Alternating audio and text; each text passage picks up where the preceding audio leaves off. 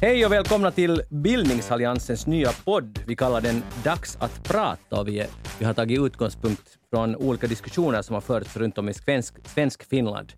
Idag ska vi tala om finlandssvensk identitet och jag har kallat in Marina Lindell. Du är forskare vid Institutet för samhällsforskning vid Åbo Akademi. Välkommen med! Tack så mycket.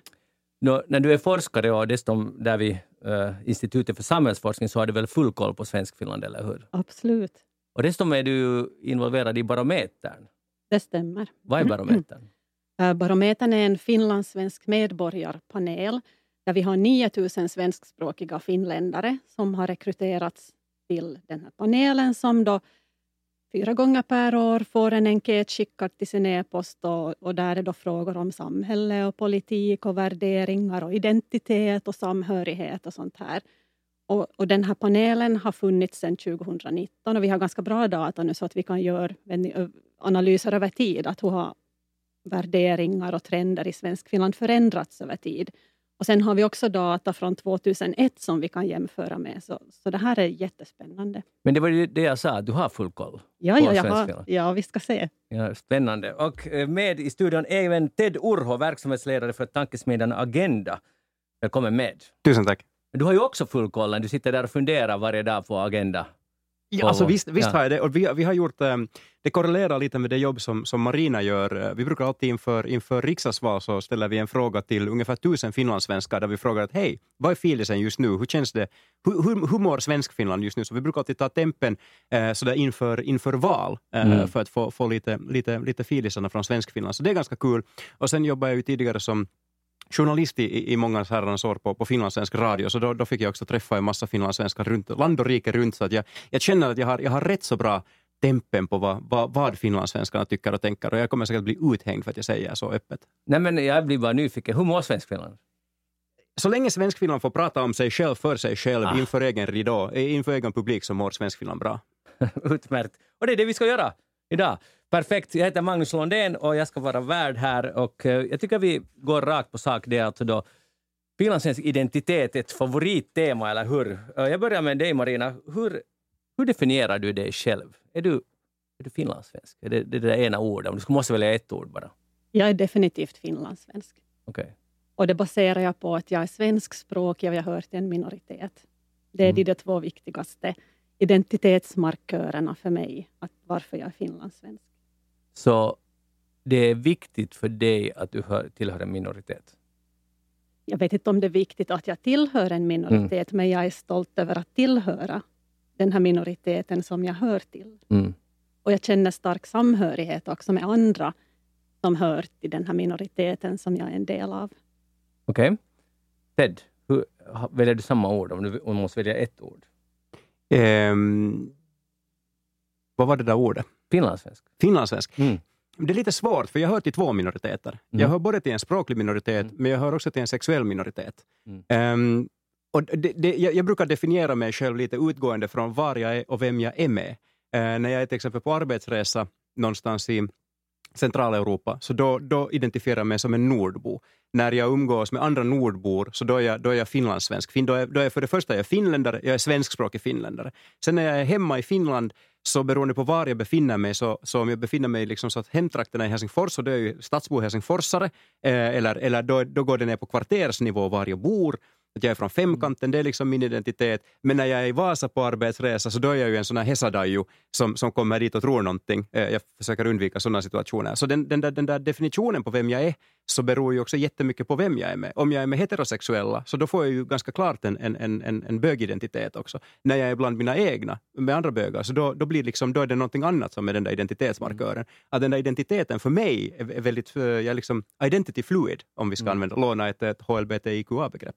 Men alltså när jag nämnde ordet identitet så era munnar öppnades direkt. Så är, det, är, det, är det alltså viktigt, sådär, tror ni, för människan i, i regel, att vem man är? Ja, det, det tror jag. Och identiteten består väl av två sidor. Dels den här personliga, alltså de egenskaper man tillskriver sig själv.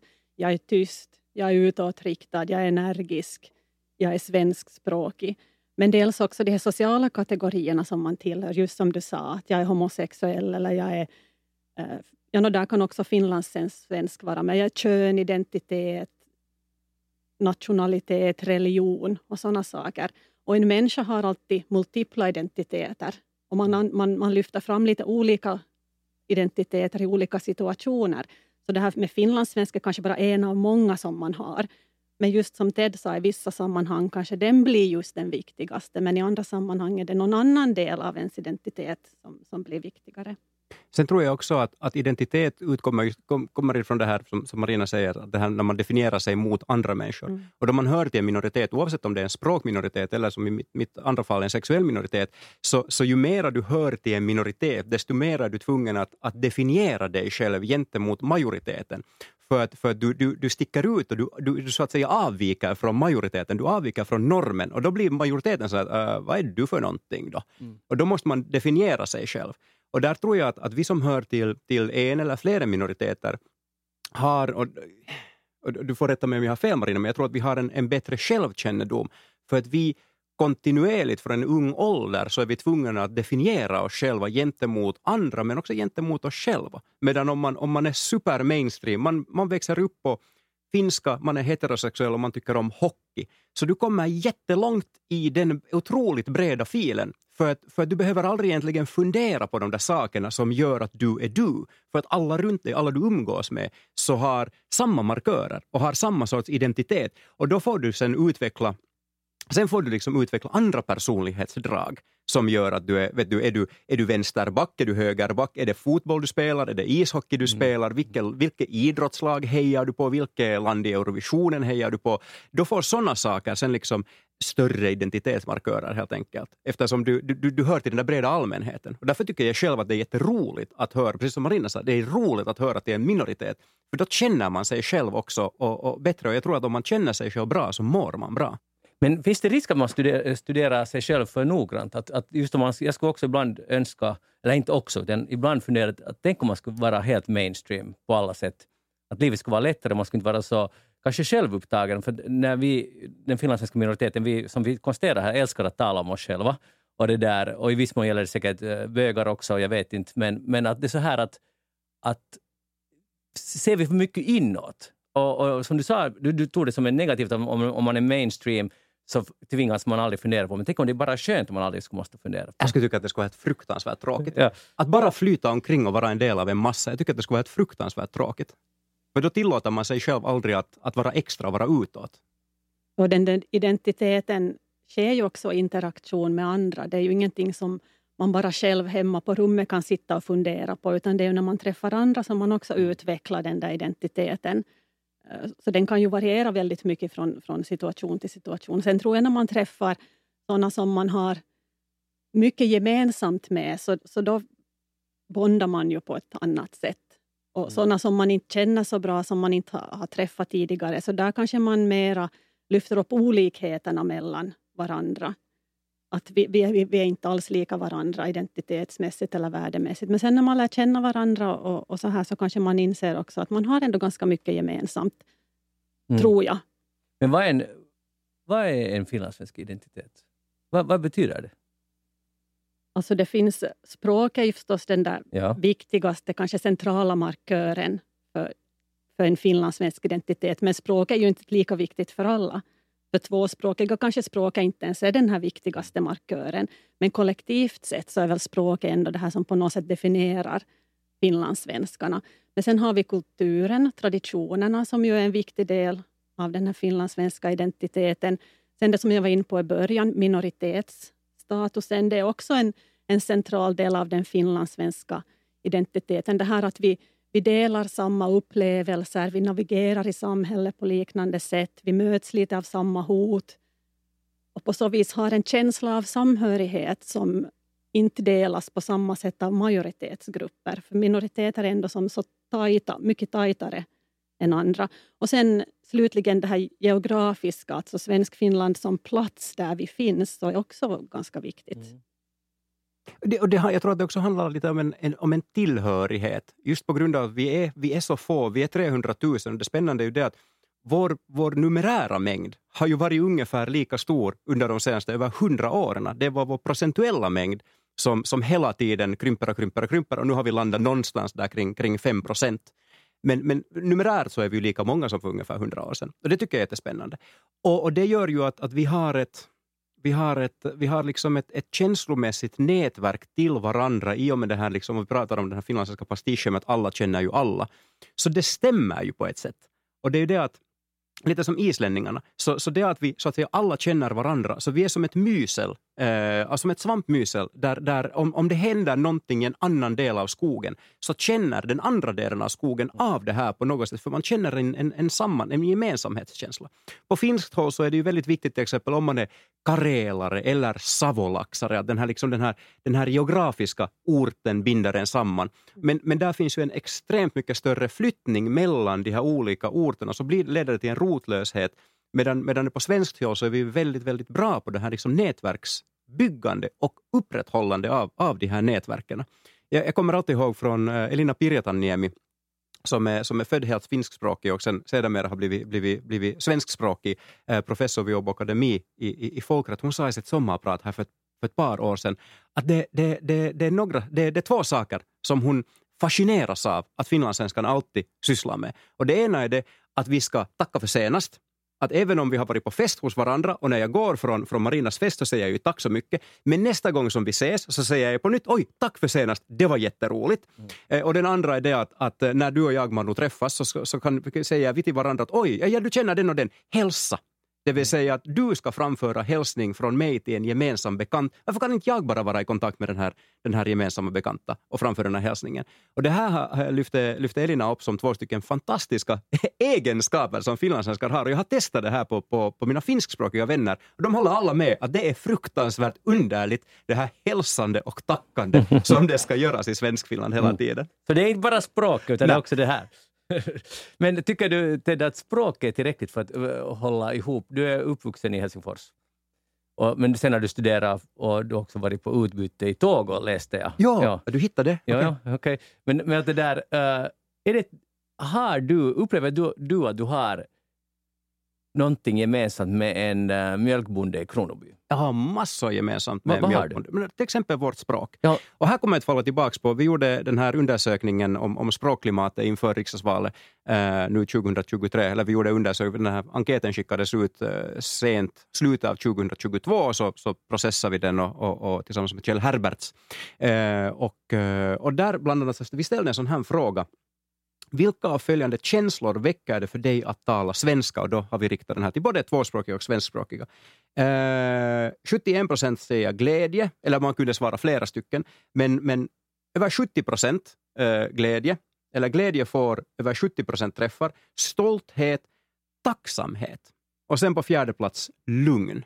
Så det är någonting nog med det här språket som en gemensam identitetsmarkör som, som binder samman oss. Att även om jag kanske inte har så där jättemycket samma, eh, gemensamt med en, med, med en mjölkbonde i Purmo, så, så har vi det här språket. Och det, det, ger oss liksom en, det ger oss en orsak att, att jutta och prata och skaka hand. Och sen när vi liksom kommer, den där första skapar den där första kontakten för att vi båda är minoritets vi pratar båda ett minoritetsspråk. Så sen hittar vi de här andra gemensamma grejerna. Vi kanske hejar på samma hockeylag, vi kanske tycker om samma sorts mat eller sådana saker. Det är där som, det där som gör att vi binder människor till oss och vi, vi tycker om att umgås med, med, med, med varandra. Marina, glädje och stolthet, känner du det när du talar svenska? Ja, men absolut, det gör jag. Och jag håller just nu på att skriva ett kapitel om identiteten hos utlandsfinlandssvenskar och där ser man att, att de som bor de finlandssvenskar som bor utomlands är oerhört stolta över att vara finlandssvenskar och de är stoltare att vara finlandssvenskar än att vara finländare.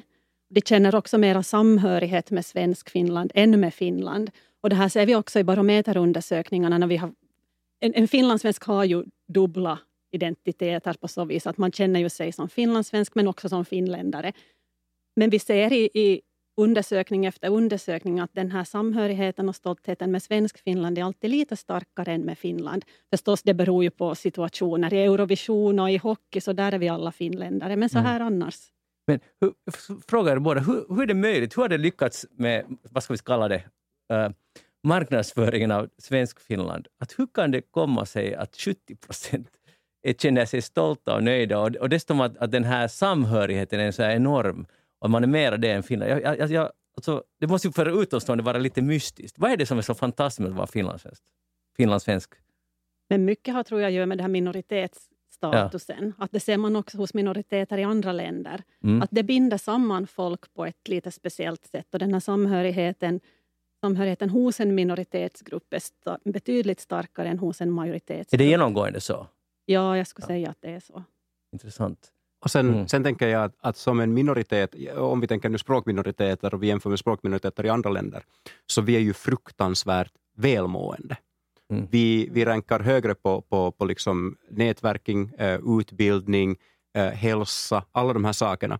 Traditionellt, och rätta mig om jag har fel, men traditionellt så brukar språkminoriteter ranka lägre på majoritetsutbi- majorite- eh, lägre i, i majoritetsbefolkningen Mm. i de här markörerna. Medan finlandssvenskar igen rankar högre. Vi lever längre, vi har högre utbildning, vi har högre eh, inkomster, eh, vi mår bättre psykiskt helt enkelt. Att det, det är ju liksom, vi, är en, vi är en väldigt udda språkminoritet på, på, på just den punkten. Och det gör ju att det, vi har ju någonting att, att vara väldigt stolta över. Att vi har klarat oss så fruktansvärt bra här i, i, i livet i så väldigt länge. Men är det, ska man där också rikta ett tack till majoritetsbefolkningen? Finland har en ganska uh, generös lagstiftning när det gäller det finlandssvenska. Nu är vi ju alltid beroende av majoritetsbefolkningens godtycke och, och erkännande. Så på det viset är vi ju utsatta. Mm. Men det som jag ännu skulle vilja ta upp, det här med språket. Eh, ofta eller när det gäller finlandssvenskar så, så korrelerar ju eller sammanfaller den här språkgruppsidentiteten också med etnisk identitet. Och, man, och då pratar man ofta om en etnolingvistisk identitet. Och en sån här et, etnolingvistisk identitet så präglas ju då av det här just att man, man tillägnar sig den här identiteten väldigt tidigt i livet, än i barndomen. Man är född i svensk Finland av finlandssvenska föräldrar. Man har ett gemensamt ursprung på något vis som binder också den här minoriteten samman. Och sen känner man sig som en del i en sån här lång kedja. Man är som en av en i den här finlandssvenska ledet. Mm. Och, och det här binder också samman minoriteten på ett lite speciellt sätt. Mm. Och sen tror jag att, att det att vi har ett eget utbildningsväsende, det, det är en jättestor faktor i det att vi mår så väldigt bra. Det är det att vi får själva autonomt bestämma om... Jag menar, vi följer ju naturligtvis ehm, um, Finlands lag och, och vi följer liksom läroplanen. Men det att vi får förverkliga vår egen utbildning och vår egen undervisning, det är en, en jätteviktig grej och det, det, det har kommit också, jag tänker att det kommer säkert i era forskningsresultat också, det att, att när man frågar finlandssvenskar att vad tycker de att funkar, så grundskolan, den, den får alltid höga poäng medan sen hälsovård och, och andra sådana saker eh, som, vi, som vi så att säga delar som ska vara som, liksom, som, är, som är gemensamma med också finskspråkiga. Så de funkar sämre därför att den där svenska biten fungerar så väldigt dåligt i den offentliga vården till exempel. Men den svenska grundskolan och eh, andra stadiet och universitetsväsendet, där jag menar det är ju helt unikt att vi som en språkgrupp med 300 000 invånare har, har ett eget universitet, vi har en egen handelshögskola på eget modersmål och vi har också landets ledande, största universitet är tvåspråkigt. Mm. Nu är det ju helt fantastiskt för en befolkning på 5 procent eller 300 000 människor. Mm. Visst är det det. Och, och någon, sen, själv blir jag irriterad på när folk säger att det är liksom en sån här privilegium och så vidare. Uh, men stöter ni på det här att no, ja, ni, har ju, ni har ju det så bra, alltså i negativ åsyftning här. Att, stöter ni på de här argumenten? Nu kommer de ju alltid med, med jämna mellanrum emot. Men, men jag tänker om, om vi sen blickar mot, mot Österbotten, eh, där, där till exempel eh, gymnasiebenägenheten, gymnasiebenägenheten i södra Finland, huvudstadsregionen, är ju galet hög. Man ska gå gymnasium, du ska gå grundskola, du ska gå gymnasium, men sen ska du gå universitet. Det är, liksom, det är så eh, i, i de flesta fallen. Medan i Österbotten så är, så är gymnasiebenägenheten betydligt lägre, men, men likväl så är man, är man lika framgångsrik och man är lika driven. Sen med det, med det man gör som inte tarvar en gymnasieutbildning eller en universitetsutbildning, till exempel eh, man har egna firmor, man har egna jordbruk, man, man driver, man är mycket driven helt enkelt. Och det, det tror jag är någonting som är gemensamt. Samma sak med fiskarna i egentliga Finland, det, är att liksom, det finns mycket företagande. Det finns ju en, jag kommer ihåg det gjordes en, en serie för 10-15 år sedan om, om just finländska företag och hur fruktansvärt många av de här finländska företagen, de här storföretagen idag, som är grundade av svenskspråkiga. Mm. Att det, det finns också en drive att, att jobba, jobba hårt helt enkelt på svenska. Och det, det, det, det är någonting som jag tror att man kan vara, vara väldigt stolt över också. Om vi tittar på till exempel um, antalet lediga arbetsplatser i, i svenskspråkiga Österbotten är fenomenalt högt, medan arbetslösheten är jätte, jättelåg. Det vill säga man vill gå på jobb, man kan gå på jobb och man går på jobb. Och där är alltså en skriande brist på vissa orter, i vissa branscher, så det är skrikande brist på arbetskraft helt enkelt. Man, nu möts man ju också av, av det här på ett negativt sätt. Det här fördomar, stereotypier som kanske inte alls alla gånger stämmer så hemskt bra. För nu ser man också mycket undersökningar som visar att egentligen är det inga stora skillnader mellan finskspråkiga och svenskspråkiga. Okej, vi lever lite längre och så här, men, men utbildningsnivån är också hög bland finskspråkiga. Värderingarna är väldigt likartade bland svensk och finskspråkiga i samma region. Så att det finns ju mycket som är väldigt mm. lika, mm. fast vi hör till olika språkgrupper också. Men till exempel inom forskning så nu är man ju privilegierad som svenskspråkig. Det är mycket lättare att få forskningsstipendier på grund av alla de här fonderna. Konkurrensen är ju inte alls lika hög. Nu är det mm. också lättare att få en studieplats. Mm. Det är också bra att komma ihåg. Mm. Det där, eh, men vad är det, vad är, om vi bortser från språket, jag förstår ju att det är inte så där bara att bortse från det, men vad, är, vad annat är vi, vad är Svenskfinland annat än språket? Och, och, vad är det som skapar den här identiteten som, som vi verkar vara stolta över? Vem, vem vågar börja? jag tittar på Marina. Marina, jag tittar också på Marina. Du är ändå forskare, du borde veta. jag tycker att jag säger bara samma saker som jag redan har sagt, men, men nu är det ju den här, den här litenheten som på något vis gör Men är det en identitet? No, inte den identitet, men den gör ju det lättare att binda oss samman och på något vis känna att, att, känna igen oss i samma situationer. Mm. Sen, du var ju inne på det här med kulturer och traditioner, så nu, det är ju också en viktig sak som binder oss samman. Tänk nu på stafettkarnevalen till exempel. Okej, okay, nu har vi en konkret sak. Stafettkarnevalen. ja. Uh, Sen? Vad heter det på svenska? Vilken? Penkis är ju också... Men det är ju det heter penkis på svenska. Ja, men det är ju inte Bänkskuddardagen, ja. som någon försöker ibland lansera. Det är kanske ja. mer finländskt, men nu är det ju också viktigt för, för finlandssvenskarna att, ja. att få ha det här. Lucia. Lucia, stafettkarnevalen. Första maj. På, på, på, jag, menar, jag tycker det är ganska fascinerande att, att i Helsingfors så firar vi ju eh, beroende på vilken språkgrupp du hör till, så firar du ju första maj på olika ställen. Mm. De finskspråkiga är i, i Brunnsparken eh, en en, gigantisk fest, och de svenskspråkiga i Kaisaniemiparken. Mm. Och det, det, det har ju sina anor till 1800-talet. Mm, det har det. Kulturkarnevalen, den är ganska mm. festlig också. Men om vi tänker på er vardag, hur, hur märks det att ni är, förutom att ni snackar kanske svenska i er vardag, det vet jag inte, men förutom det så, hur märk, hur, vad i ert beteende är finlandssvenskt? Eller vad är, ett Finlands, vad är ett finlandssvenskt beteende överhuvudtaget? Förutom det här, det var ju bra exempel på det här med att hälsa Jeppe och, och så vidare. och tack för senast, men utöver det för, för jag bara tänker så här att, att om, vi, om, det, om vi är överens om att det finns en finlandssvensk identitet så ska man ju tycka att den ska vara starkare än bara eller inte bara, men än språket. För att om det bara är språket så då blir det, väcks ju tanken att om vi skulle tala ett annat språk så skulle vi inte ha något gemensamt med samma typer. Vi, vi tre skulle inte ha något sånt gemensamt. Ja, men så, vi, vi vänder på det. Jag, jag tror att det är väldigt svårt för oss dessutom som all, jag, jag, tänker att vi alla identifierar som finlandssvenskar. Och då, då, då, är man ju så väldigt nära den där kärnan själv att det är svårt att, att liksom identifiera det i sig själv. Men jag tänker så här att, att, att om vi, för vi jobbar ju jättemycket nu med, med integration, vi behöver mera arbetskraft i det här landet och vi behöver, måste komma utifrån. Um, och då, då, finns det ju möjlighet att integrera sig antingen på finska eller på, på svenska. Och då har vi till exempel läst väldigt mycket om, uh, Yle har rapporterat mycket om det, att, att um, om flera fall där myndigheterna, när det kommer en person som till exempel har bott i Sverige och konstaterar att hej, Finland är tvåspråkigt, tänk om jag skulle lära mig svenska, för det är så fruktansvärt mycket lättare för mig att lära mig svenska än att lära mig finska. För mig personligen tog det 20 år för jag lärde mig prata flytande finska. Och det är ännu också lite hackigt om man hör, efter 90 minuter så hör man att jag inte är, är, är, är naturligt finskspråkig. Um, men då, då vill myndigheter ofta till exempel säga nej, nej, nej, nej, nej, lär inte dig svenska, lär dig finska, lär dig finska, fast det är mycket svårare. Um, men då om vi, om vi vänder på den där biten och tittar på den här integrationen och någon som flyttar till Finland och vill bli finlandssvensk. Vad skulle ni säga till en människa som, som vill bli finlandssvensk? Vad är det de ska tänka på? Vad är det de ska göra? Och en, en sak som jag alltid funderar på är den här mm, öppenhet.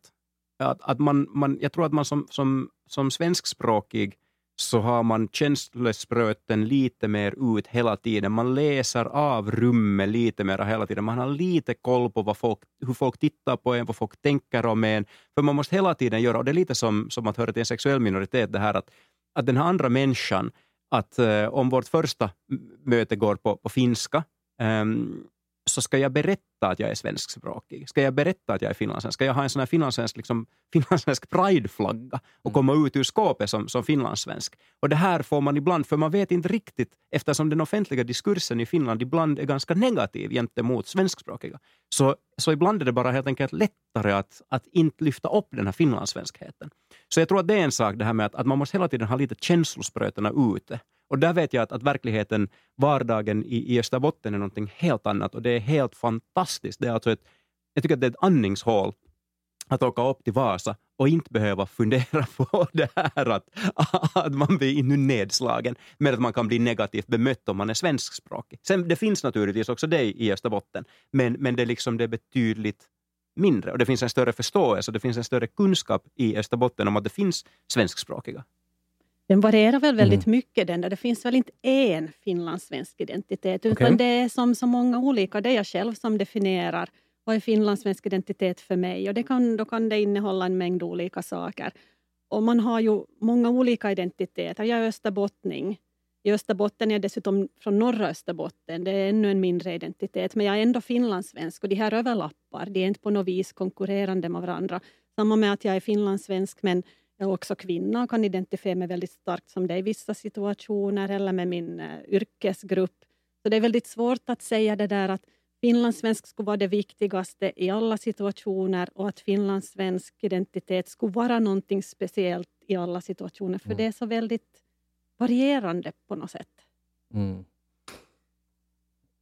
Okej, okay, no, så det Ger vi, ger vi alls de svaren du vill ha? nej, jo, visst. Alltså, jag tycker, det är en ganska komplex fråga de facto. Att vad, är, vad, är, vad är det nu att vara finlandssvensk? Vad är en finlandssvensk identitet? För, att, för att det som du var lite var inne på, att, att uh, om jag reser till, till Österbotten eller till och med till Västnyland, så, så alltså jag älskar det just för att, eller till Pargas där jag har sommarboende, att uh, man kan gå in i butik och tala svenska. Man behöver inte fundera på det. Att det är kanske det som jag lite tänker på det här med själv, att man är hela tiden funderar på sin identitet. Att Helsingfors så är man väldigt medveten om att man är finlandssvensk. Eller om man är finlandssvensk, mm. så det, liksom, det är hela tiden i bakhuvudet. Men det släpper nästan direkt om jag är i Pargas eller Österbotten, så då tänker jag inte på det. För det är en så naturlig del av omgivningen. Om man går in, ofta är majoriteten är som jag. Sen plötsligt är man inte mera en minoritet. Och det, det upplever jag som konstigt och inte, inte skrämmande, men som, eller väldigt speciellt. Mm och helt annorlunda än den uppväxt jag själv är van vid, eller min tillvaro. För att här, nästan allt om man jobbar, så, så, så man, man talar finska. Man måste tala finska. Och jag talar dåligt finska, men ändå så måste man göra det. Och och det där är en, och därför så tycker jag att jag tänker på min identitet jättemycket i Helsingfors, men sen utanför inte alls så mycket. Jag, jag, kommer ihåg från min barndom, jag, alltså, jag, jag, jag är född i Helsingfors, men sen vid, vid två års ålder så tyckte mina föräldrar att hej vitsi, det där med Esbo, det är ju en jätterolig mm. grej. Och det här är också en identitetsmarkör för mig som är lite svår att komma över. Det vill säga, jag måste alltid komma ut ur skåpet med att jag är född i Helsingfors, men jag, är uppvuxen i Esbo. Mm. Eh, för att Helsingfors är lite kivogare än Esbo. Mm. Förlåt, Esbobor. Eh, men där kommer jag ihåg, vi växte upp i, i en, i en det hade varit en svensk bygd i Esbo. Mm. Och jag kommer ännu ihåg från min barndom på, på det glada 80-talet att alla i det huset, vi bodde i ett höghus med åtta lägenheter, eh, nästan alla som bodde där i början av 80-talet pratade svenska. Eh, när man gick till banken pratade de svenska, när man gick till apoteket pratade de svenska, kiosken pratade svenska, det vill säga det fanns, det fanns en massa svenska runt en. Sen fanns det på gården också, som bodde i några andra hus, de var finskspråkiga. Och jag, märkte, jag kommer ännu också ihåg den här situationen, att, att jag, kunde inte, jag kunde inte riktigt leka med dem, för jag hade inte ett gemensamt språk. Och första gången jag varse blev det här att att jag är en minoritet. Var, jag kommer ihåg vi var på bio med min pappa och um, det, var, det var före skolåldern måste det vara för jag kunde inte själv läsa texten och den där, den där filmen var dubbad till finska och jag förstod inte vad, det, vad de sa och jag kunde inte läsa texten. Och jag kommer ännu också ihåg hur frustrerad jag var som sexåring i den där biosalongen när min pappa måste sitta bredvid och läsa texten åt mig för att jag inte förstod finska. Och det var då som jag första gången, då fick jag liksom den första konfliktkänslan att, att varför har jag ett språk? Okej, okay, jag kunde inte sätta sådana ord på det då förstås. Men varför har jag ett språk, men där, där är nu, varför tvingas jag nu titta på någonting som är ett annat språk som jag inte överhuvudtaget förstår? Och jag tror att det här är också en sån där, det är just den här varseblivningen som vi pratade om i början, det här med att, att vara en del av att det där språket är en så stark identitet. Jag tror att det är liksom, jag tror att ju, ju, ju närmare Helsingfors du, du har vuxit upp, desto starkare den här känslan av att, att varför har jag ett språk som inte fungerar utanför hemmet?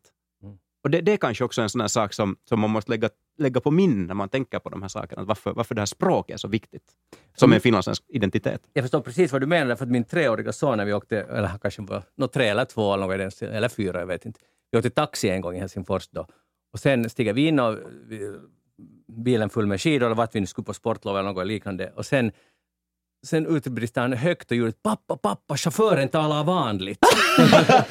För det var en finlandssvensk taxichaufför som aldrig hade hänt förut. Och då insåg jag att han har inte riktigt nu fattat. Det finns bara det ovanliga språket ja. och det är finska och ja. sen finns det svenska. Att sånt, där får man som förälder något att funka på. Men, men okej, okay, uh, eh, hur är det med tvåspråkiga, Marina? Uh, ja. Hur upplever de sig som, upplever, definierar de sig som jag är tvåspråkig, eller jag är finlandssvensk, eller jag, jag är finländare? Det där varierar också vem du frågar, tror mm. jag. Att de har väl då dubbla identiteter när det gäller språk. Det är både finskspråkiga och svenskspråkiga. Mm. Så man kan, man kan inte säga att vi, vilken dera är det, är det. Och det beror säkert också på situation och var de befinner sig. Och alla tvåspråkiga är ju inte heller balanserat tvåspråkiga, att de skulle kunna båda språken lika bra. Att när man definierar sig som som tvåspråkig. Så antingen så använder man det här ursprung, alltså att man är uppvuxen, uppvuxen på två språk, eller att man har kompetens, alltså att man har väldigt bra språkkunskaper i båda språken. Kan ha, man kan ha lärt sig i skolan eller man kan ha lärt sig i jobbet. Sen är det de här färdigheterna, att man faktiskt använder båda språken dagligen. Eller så attityder att man bara identifierar sig som tvåspråkig eller att andra identifierar sig mm. som tvåspråkig. Så, så det här vad tvåspråkighet betyder är också väldigt olika från person till mm. person. Det är ju en gåva att få två språk hemifrån mm, om man har två föräldrar som talar olika språk. Eh, men är det också en, det här som vi nu hyllar här, den finlandssvenska identiteten, är den, finns det en risk där för den identiteten? Om det sen uh, diluteras och blir svagare och man blir tvåspråkig och så vidare, finns det, det här måste ni ju fundera på. Mm forskarna? Alltså det är väl lite både och. Å ena sidan kan de här tvåspråkiga vara lite såna ambassadörer för mm. finlandssvenskar också på finskt håll och, för, och föra vår talan och vara lite det här kittet mellan språkgrupperna. Men å andra sidan om, om de här tvåspråkiga alltid väljer finska alternativ så blir det ju väldigt urvattnat till sist, den här svenskan. Om det är väldigt få som sist och slutligen behöver den. Så det kan ju bli både bra och dåligt. Det har, det har två sidor. Mm. Har du Ted funderat på det? Här? Jag funderar ganska mycket på det här ja. faktiskt. Um, och just den här tvåspråkigheten, där har vi ju liksom en, en, en histor, ett, ett liksom ganska intressant historiskt perspektiv som vi nu kämpar med den svackan, det vill säga det att på 70 80-talet, 70-80-talets pedagogik så gick ut på att ett barn kan bara lära sig ett språk, ja. vilket betydde att på 70-talet särskilt och ännu lite på 80-talet så, så skulle man välja åt barnet ett språk. Och vi betalar idag priset för det, det vill säga det finns en massa Eh, jag har i min egen bekantskapskrets sådana som, som har till exempel en svensk, ofta var det mammans språk som, som avgjorde. Eh, och mamman var finskspråkig så det blev språket finska eh, och mamman var svenskspråkig så det blev språket, det där känslospråket svenska. Mm. Och, och, och, idag så vet vi att det inte är så. Och vi vet att det finns också familjer, jag tycker det är jättetufft, vi har i, vår kompiskrets ett par stycken familjer som, där båda föräldrarna är svenskspråkiga, men den ena väljer att prata finska med barnet för att det där, det där barnet ska få en så balanserad, så balanserad språkkunskap i, i, i bägge inhemska som, som möjligt. Och det tycker jag att vi har liksom gjort en, vi har gjort en 180 graders eh, sväng på, på, den här, på den här synen. Um, sen tycker jag det är viktigt att komma ihåg just det där att, att, att det det är lite som att vara ambidextrös, det vill säga att man kan använda båda händerna. Det är väldigt få människor som, som kan balansera perfekt, precis som Marina sa, det här 50-50. Och det är just det att det där ena språket, eller det andra språket, det är någondera är alltid det där känslospråket, någondera är alltid det där liksom första språket helt enkelt. Jag, jag identifierar mig själv som, som fullständigt svenskspråkig eftersom båda mina, mitt, mitt känslospråk är svenska, och båda mina föräldrar var svenskspråkiga, deras föräldrar liksom generationer bak. Min farmor pratade inte ett ord finska, hon var alltså född och uppvuxen här i, i, i Helsingfors. Men, men, eh, men jag pratar finska och där är just det att jag, jag pratar en yrkesfinska och jag kan flytande finska, men det är inte på något sätt ett, ett känslospråk för mig helt mm. enkelt. Mm. Och där, där tror jag att man hamnar som, som tvåspråkig så får man kämpa lite extra för att, och det är någonting som vi som svenskspråkiga i Helsingfors och huvudstadsregionen gör. Vi utgår från att den vi möter i, i service till exempel, eller i den offentliga sektorn, att hen inte pratar svenska. Att svenska är ett hemligt språk som vi bara använder hemma. Och, och, och, där tycker jag att vi själva måste ta oss i kragen, särskilt i södra Finland. Och jag, jag har börjat så att när jag går in på café, butik, var som helst där jag ska liksom möta en människa, så frågar jag att, att hej, ska vi prata finska eller svenska? Och det är förvånansvärt många finskspråkiga som säger att oj, svenska. Att liksom, det är också en övning. För det är det att, att vi, vi, vi, vi gör oss själva en björntjänst i det att, att vi, jag menar det, det kommer vår, fram i vår rapport också det här med att, att svenskspråkig service är någonting man, man bara drömmer om för det är så svårt att få det och det, liksom, det finns inte tillräckligt, det finns inte tillräckligt med morötter för finskspråkiga att lära sig svenska. Men på samma gång så, så gör vi det, särskilt vi som är tvåspråkiga eller talar bägge språken, så för att det går lättare att, att få sitt ärende uträttat på, på finska än på svenska, så pratar vi direkt finska. Och då, då tar vi också bort möjligheten för finskspråkiga att lära sig svenska. För det handlar ju inte om att konvertera en massa finskspråkiga till finlandssvenska. Det är ju inte det det handlar om. Det handlar om att, att svenskan och språket och finskan, det är verktyg i vår kommunikation. Och det handlar om att, att utveckla de här verktygen för bägge språkgrupperna helt enkelt. Mm. För jag tror att det kan vara ganska svårt. Jag, menar, jag, jag tänker så här, vi har i, i min vänskapskrets ett, ett, par stycken så kallade blandäktenskap där, där den ena parten är svenskspråkig och den andra parten är finskspråkig. Och umgänge i de parerna där, den, där alla pratar alla språken är mycket smidigare och mycket naturligare, men inte har den finskspråkiga nödvändigtvis konverterat till finlandssvenskhet, utan henne fortsättningsvis finsk, identiteten är väldigt finsk, men man talar svenska flytande så att man är en del av, av konversationen. Och vi har i, i, med vårt bästa kompispar, så vi, vi, alltså, vi, vi pratar flytande finska och svenska. Vi var en gång på, jag kommer ihåg, på en middag för ett par år sedan någonstans, så på, jag var på en Sverigebåt. Och då, då, kom, då kom ett bordssällskap där bredvid och sa att förlåt, det är helt fantastiskt att lyssna på er. För det, liksom, det bytte mitt i meningar och all, liksom, allting gick på bägge språken åt, åt bägge hållen. Ibland mm. pratar alla svenska, ibland alla finska. Och det, mm. det, är ganska roligt helt enkelt. Och det är bra träning för hjärnan. Man hålls, man hålls, eh, man hålls på gång. Ja, flera borde göra så. Det är ju, eller att tala sitt, alla talar sitt eget språk till ja. exempel. Så skulle bli mycket mer levande istället för att alltid byta till finska som man gör i Helsingfors. Men, men Marina, du kommer hit till uh, Helsingfors. Hur, när du går in och beställer lunch eller någonting, så vad, Bör, gör? Ja, börjar du sådär på svenska också? Ska vi tala svenska eller finska? Alltså, det varierar lite. Men jag känner mig sådär hurtig och modig så då börjar jag på svenska. Men ibland om jag har bråttom och är lite så här så då, då börjar jag på finska. Det skulle jag aldrig göra i Österbotten. Så jag gör ju också fel. Ja. I Österbotten vet jag, där pratar alla sitt språk. Alltså, man umgås.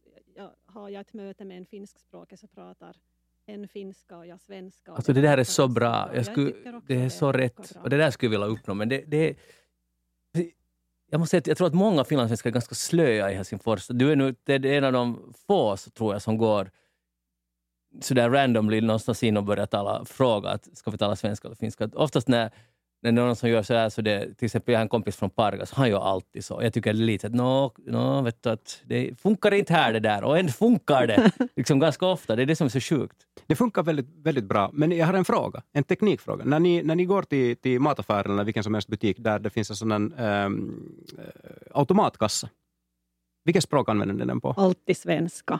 Alltså jag tar alltid svenska, men det är bara någon sorts demonstration. Ja, det är liksom att, att det här, och sen tänker jag alltid att alltid till och med på någon jävla bensinstation ute ja. i Lappland trycker på svenska bara för att det, det ska nog användas, för att ja. man ska visa att det behövs. Det, det, är jätteviktigt, för ja. det samlar den där datan och, och det visar den här. Och vi, vi ställde faktiskt i, i um, vi ställde vår senaste enkät, så satte vi med den här frågan. Uh, vi ställde frågan, var ber du väljer du service på svenska. 78 procent inom, hälsa svarar inom, eh, inom hälsovården svarar 78 procent. Eh, med skatteförvaltningen 77 procent. Mm. Eh, då får man ofta ett samtal till, till Österbotten. Det är väldigt, väldigt uppiggande. Eh, på banken och FPA eh, är väldigt många finlandssvenskar som väljer svensk service. Och sen när jag använder automater, 56 procent, över hälften av finlandssvenskarna som svarar på vår enkät så, så väljer, väljer svenska i, i de där maskinerna. Och jag stör mig till exempel här i, i huvudstadsregionen finns det en, en affärskedja som, som tidigare var de där automatkassorna väldigt högljudda. Så ja. alla hörde exakt vilket språk man valde! Och jag tyckte det var helt fantastiskt att Välj service på svenska. Har du förmånskort? Ja. Frågar den här maskinen. Medan andra igen som jag hade pratat med så, så sa att, att ah, alltså, de skulle jättegärna använda svenska men den är så jävla högljudd. För de vill inte att omgivningen ser att de är svenskspråkiga. Och där återknyter vi till den här stoltheten igen. Jag är jättestolt över att vara svenskspråkig. Och om omgivningen ser att jag är svenskspråkig så är jag jätteglad över att de identifierar mig på det. Mm. Men jag tror att det där kommer också från Pride-rörelsen, att vi har, vi har jobbat så mycket med den här stolthetskänslan. Mm. Marina, sen, ja. sen tror jag att eftersom du kan finska också så kan du vara stolt och använda svenska på ett annat sätt. Men är du svenskspråkig du kan inte finska så skäms du lite. Och du blir kanske hellre då tyst och mm. lite sådär mm. i sin visa att du är svenskspråkig. För att det, det, är lite sådär när man inte kan den där finskan så bra. Mm. Och vi gör ofta fel. Jag har träffat många finskspråkiga, speciellt i ishallen i Vasa för min son tränar ishockey. Och de här föräldrarna är finska, men de vill jättegärna öva sin svenska med mig. Och det tycker jag ju är fantastiskt. Vi byter lite för lätt till finska. Det gör vi. För många finskspråkiga vill nog gärna prata svenska, men genast vi hör att de inte kan så byter vi. Tror du att det är en undfallenhet eller tror du att det är hänsyn? För det, det är, två skilda saker. Jag tror det är hänsyn, men det fyller inte kanske sitt syfte. Men jag blir också irriterad på, för att, eh, var det nu Niinistö eller vem det som sa att, att ni finlandssvenskar, det var någon toppolitiker, förlåt jag kommer inte ihåg, att ni borde att det är liksom vi som finlandssvenskar som inte borde byta så snabbt till finska. Men det är ju inte heller så där enkelt, för det är ju många finska som inte ens vill tala svenska, som absolut inte, uh, vi har just talat om att många vill göra, men inte det heller så där att vi borde alltid tala och då skulle allt bli mycket bättre. Jag tror inte heller på det. Jag drog, jag drog för ett par år sedan, så drog jag en, faktiskt före pandemin, uh, så drog jag en workshop för uh, svensklärare, uh, finskspråkiga svensklärare. Och um, det var två stycken insikter. För det första var det att, att när jag frågade dem varför har du blivit svensklärare, så väldigt många av dem sa att därför för att man inte får tillräckligt med timmar i franska i, i grundskolan för att man skulle kunna livnära sig som fransklärare, för det var den där egentliga passionen.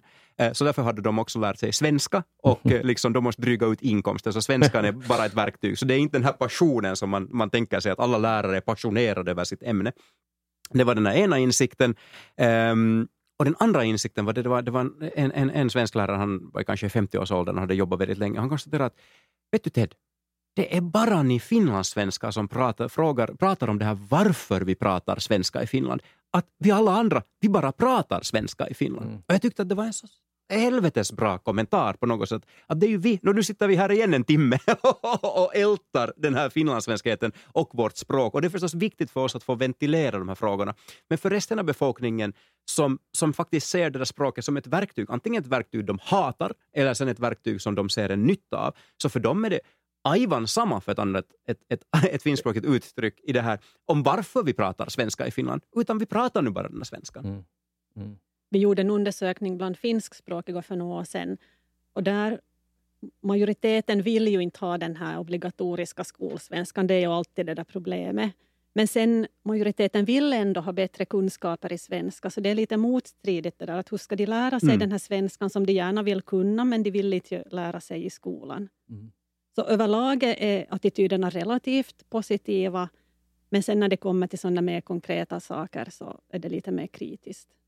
Hur, hur ser du Marina på det? För att, eh, jag personligen har en sån teori om varför Svenskfinland ens kan existera. Är att, och det finns ju många orsaker, vi har gått igenom de här, men en bra sak är det att, att och som jag, det känner jag stolthet över, att det finns allt från då fiskare till företagare till fors, forskare och, och, så vidare, och journalister och så vidare. Det finns, det finns, all, det finns ett, liksom ett samhälle med mm. alla så kallade samhällsklasser och alla inriktningar och allt what not. Och det gör, utan det, om vi skulle vara geografiskt och socioekonomiskt bara finnas i ett litet område, så tror jag att vi skulle krympa ännu snabbare. Men stämmer det? Här? Ja, det tror jag. Alla de här svenskspråkiga institutionerna är nog väldigt viktiga för att det här samhället ska fungera för mm. oss. Så du är nog något på spåret, jag, jag håller helt med om det. Om du Marina skulle ta fram, förlåt nu, jag vill ställa en fråga också om jag får. Eh, om du skulle plocka fram en kristallkula, hur länge tror du att svenskspråkiga Österbotten hålls så svenskspråkigt som det är nu? Oj, yes. det, var, det var svårt. det beror ju också lite på var. Vi ser ju Sydösterbotten är ju väldigt svenskt, så det kommer nog säkert inte att ändras trots den stora invandringen man har. Vasa blir ju lite mer finskspråkigt hela tiden och norra Österbotten är också lite mer finskt. Så det beror väl på var man befinner sig i Österbotten. Men nog tror jag ju att svenskan i Österbotten kommer att vara stark om 30 år också, 40. 30 år är en kort tid. Vad är lång tid? 100 år? 100 år, ja. Mm. Vad är nyckeln till det i så fall också? det är väl att det finns tillräckligt många, tror jag, svenskspråkiga som använder det där språket och som behöver det. Och lite på gott och ont i Österbotten så är det ju det här att det finns många som inte kan finska. Och man kommer inte i kontakt med finskan på naturlig väg heller. Så man, man är lite utlämnad till den där svenskan. Att man måste ha den för att klara sig. Men det här ändras ju också säkert. På hundra, om hundra år är ju säkert många fler tvåspråkiga än vad det är idag. Vi vet redan att 54 procent av finlandssvenskarna upplever sig som tvåspråkiga idag. Och det här har ju ökat massor på tio år. Så det här kommer säkert också att öka om hundra år. Så då beror det på, lyckas vi hålla liv i den här identiteten? Mm. Den som baserar sig på språk har vi kommit fram till till mm. största delen. Men, men om två, då avgörs ju allt som du sa tidigare, att, att uh, hur tvåspråkiga identifierar sig själva. Mm. Och kanske det i framtiden om hundra år är, är identiskt med att vara finlandssvensk, är man är tvåspråkig. Det kan att, det vara. Att det är som man definierar sig. Sen är det lite intressant, jag har också vänner som är uppväxta i, i en tvåspråkig familj som identifierar sig helt olika. Alltså, ena barnet har valt svensk skola och identifierar sig som finlandssvensk. Andra barnet går i finsk skola och identifierar sig som finskspråkig. Så det här är också intressant, från samma familj med mm. samma uppväxtförhållanden. Mm. Jag tror en, en utmaning här är också liksom samhällets binaritet. Och det här, jag, jag drar igen paralleller till Pride-rörelsen och, och så här. Eh, det att till exempel vissa länder har infört det att det finns nu fler än två kön. Vi har ju traditionellt eh, så har man kunnat säga att man är man eller kvinna och nu har, har flera länder infört det att man, är, man, man kan också välja icke-binär helt enkelt. Mm. Och vi ser samma binaritet i, i språkval i Finland, det vill säga det enda som vi vi kategoriserar ju inte människor på något annat sätt än, än vilket modersmål man har. Men man kan bara välja ett. Man måste välja finska eller svenska att eh, jag tänker att det skulle kunna vara helt smart att man också skulle kunna välja att man är tvåspråkig helt enkelt. För då, då, ska, då, det skulle också kunna få vara en identitet. För det här med att nu tvingar vi folk att välja antingen eller. Mm. Och det, det äter upp lite grann. Och jag tänker särskilt för de här nya generationerna, zetorna, som inte, inte riktigt vill välja någonting och, och, och, vill bara flyta omkring lite grann, så tror jag att det skulle vara lite lättare för dem att få liksom identifiera sig som, som tvåspråkiga, också officiellt. Mm. Finns det någon forskning på, på hur, uh, när man växer upp och livet går vidare, så att säga, uh, hur ens förhållande till ens identitet, finlandssvenska identitet förändras? Liksom om vi jämför uh, hur man såg på sig själv som 15-åring, och 30-åring och 90-åring. Finns det någonting där hur det utvecklas eller för, eventuellt förändras?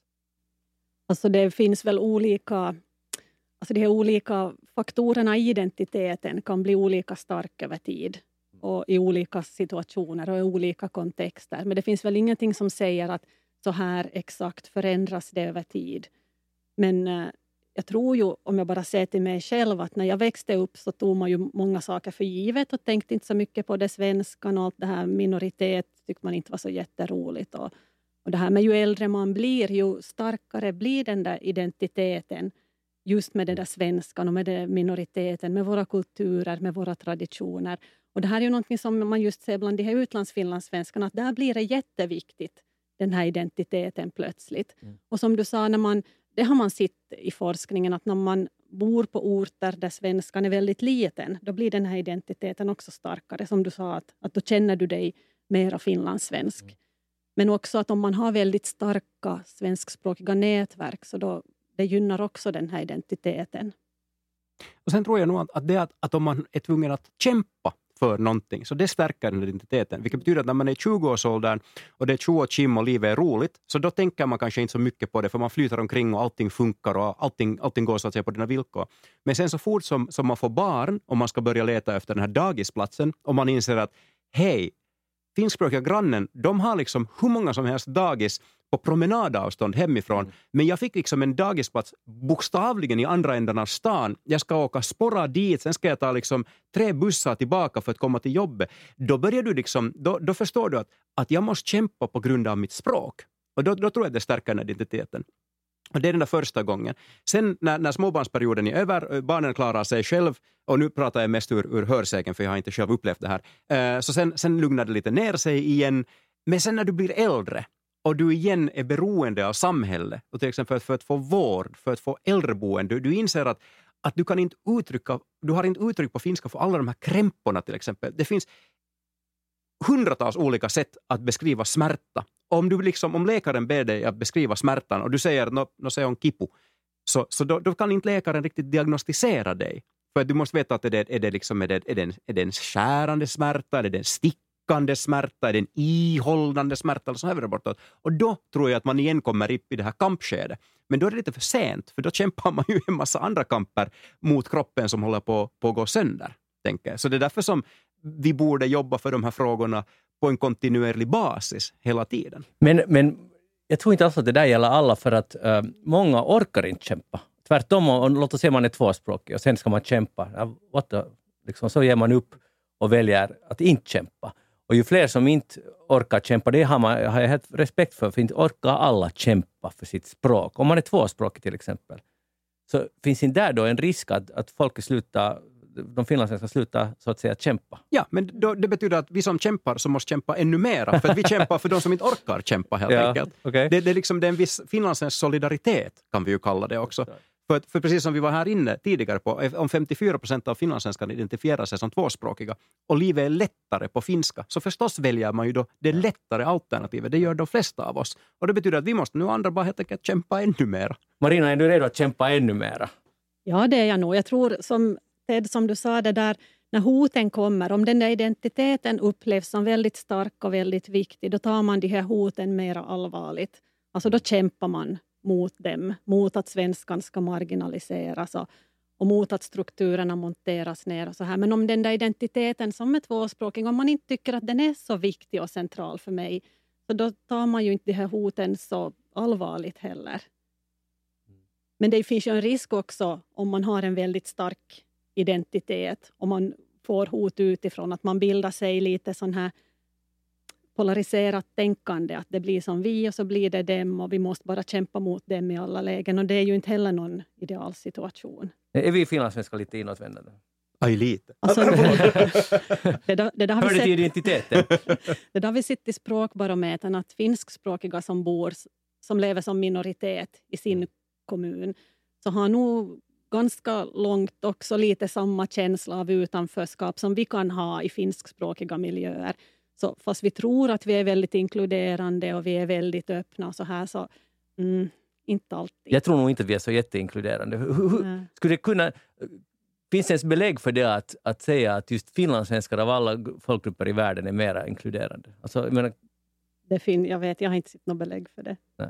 Men vi, bara, vi tror det. Vi tror nog att ja. vi är det. Ja. Alltså vi tror ju att vi är så fruktansvärt toleranta och, ja. och mm. öppensinnade och liberala. Men det är vi ju inte. Vi är, vi är, vi är toleranta och öppensinnade gentemot alla som vill, vill bli svenskspråkiga så länge som det sker nästan till 100 procent på våra villkor. Mm. Och det är det här som är det stora problemet med integrationsarbete överlag. Det vill säga att vi har identifierat att vi har en brist på arbetskraft i Finland. Vi har identifierat att det måste komma mera människor hit till Finland.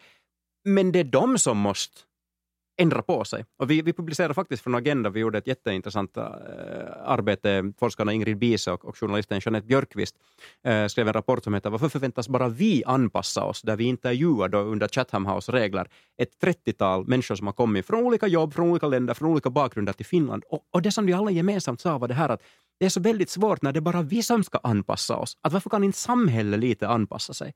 Och jag brukar tänka på det som en, en organtransplantation att när, när den, den, den, den, gamla kroppen behöver ett nytt hjärta och så hittar man ett nytt hjärta.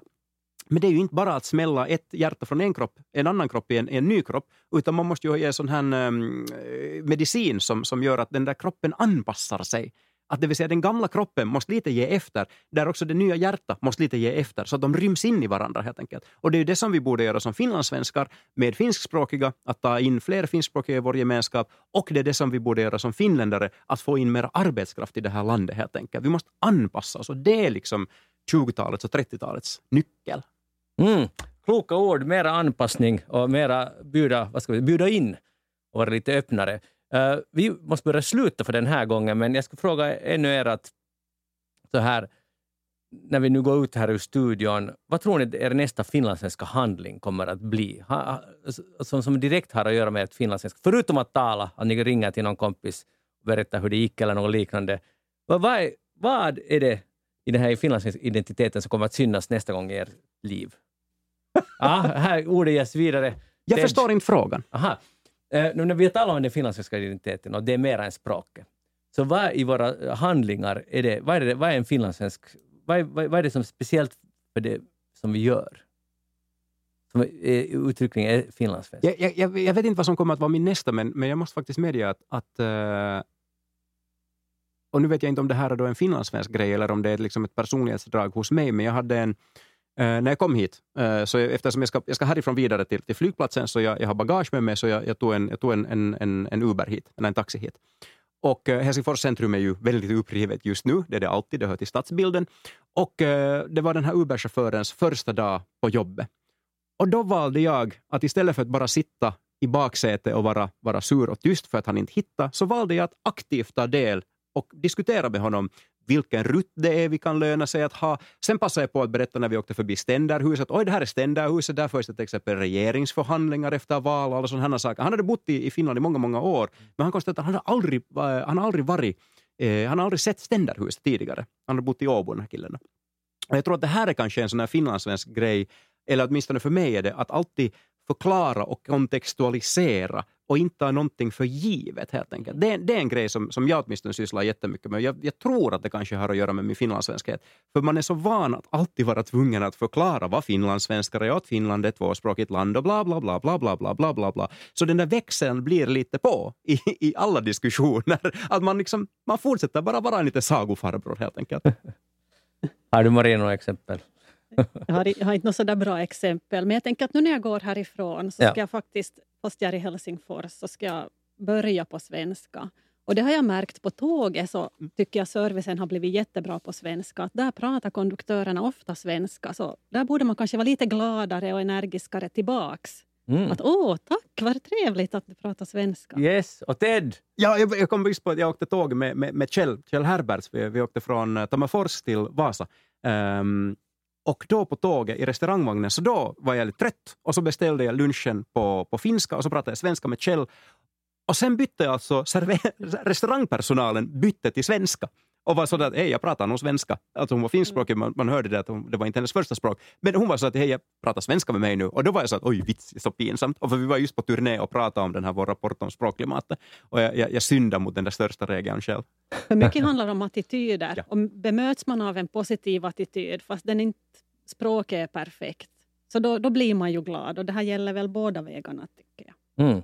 Utmärkt. Uh, vi får som sagt lov att avsluta Dags att prata, vår nya podd, Bildningsalliansens nya podd, uh, där vi diskuterar olika frågor. Idag har vi diskuterat uh, finlandssvensk identitet med Marina Lindell som är uh, forskare vid Institutet för samhällsforskning vid Åbo Akademi och Ted Urho som är uh, verksamhetsledare för tankesmedjan Agenda. Tack för att ni var här idag. Jag heter Magnus Lundén och jag har varit er värd och vi hörs igen snart. Ha det bra. Hej då. Hej då. Hej då.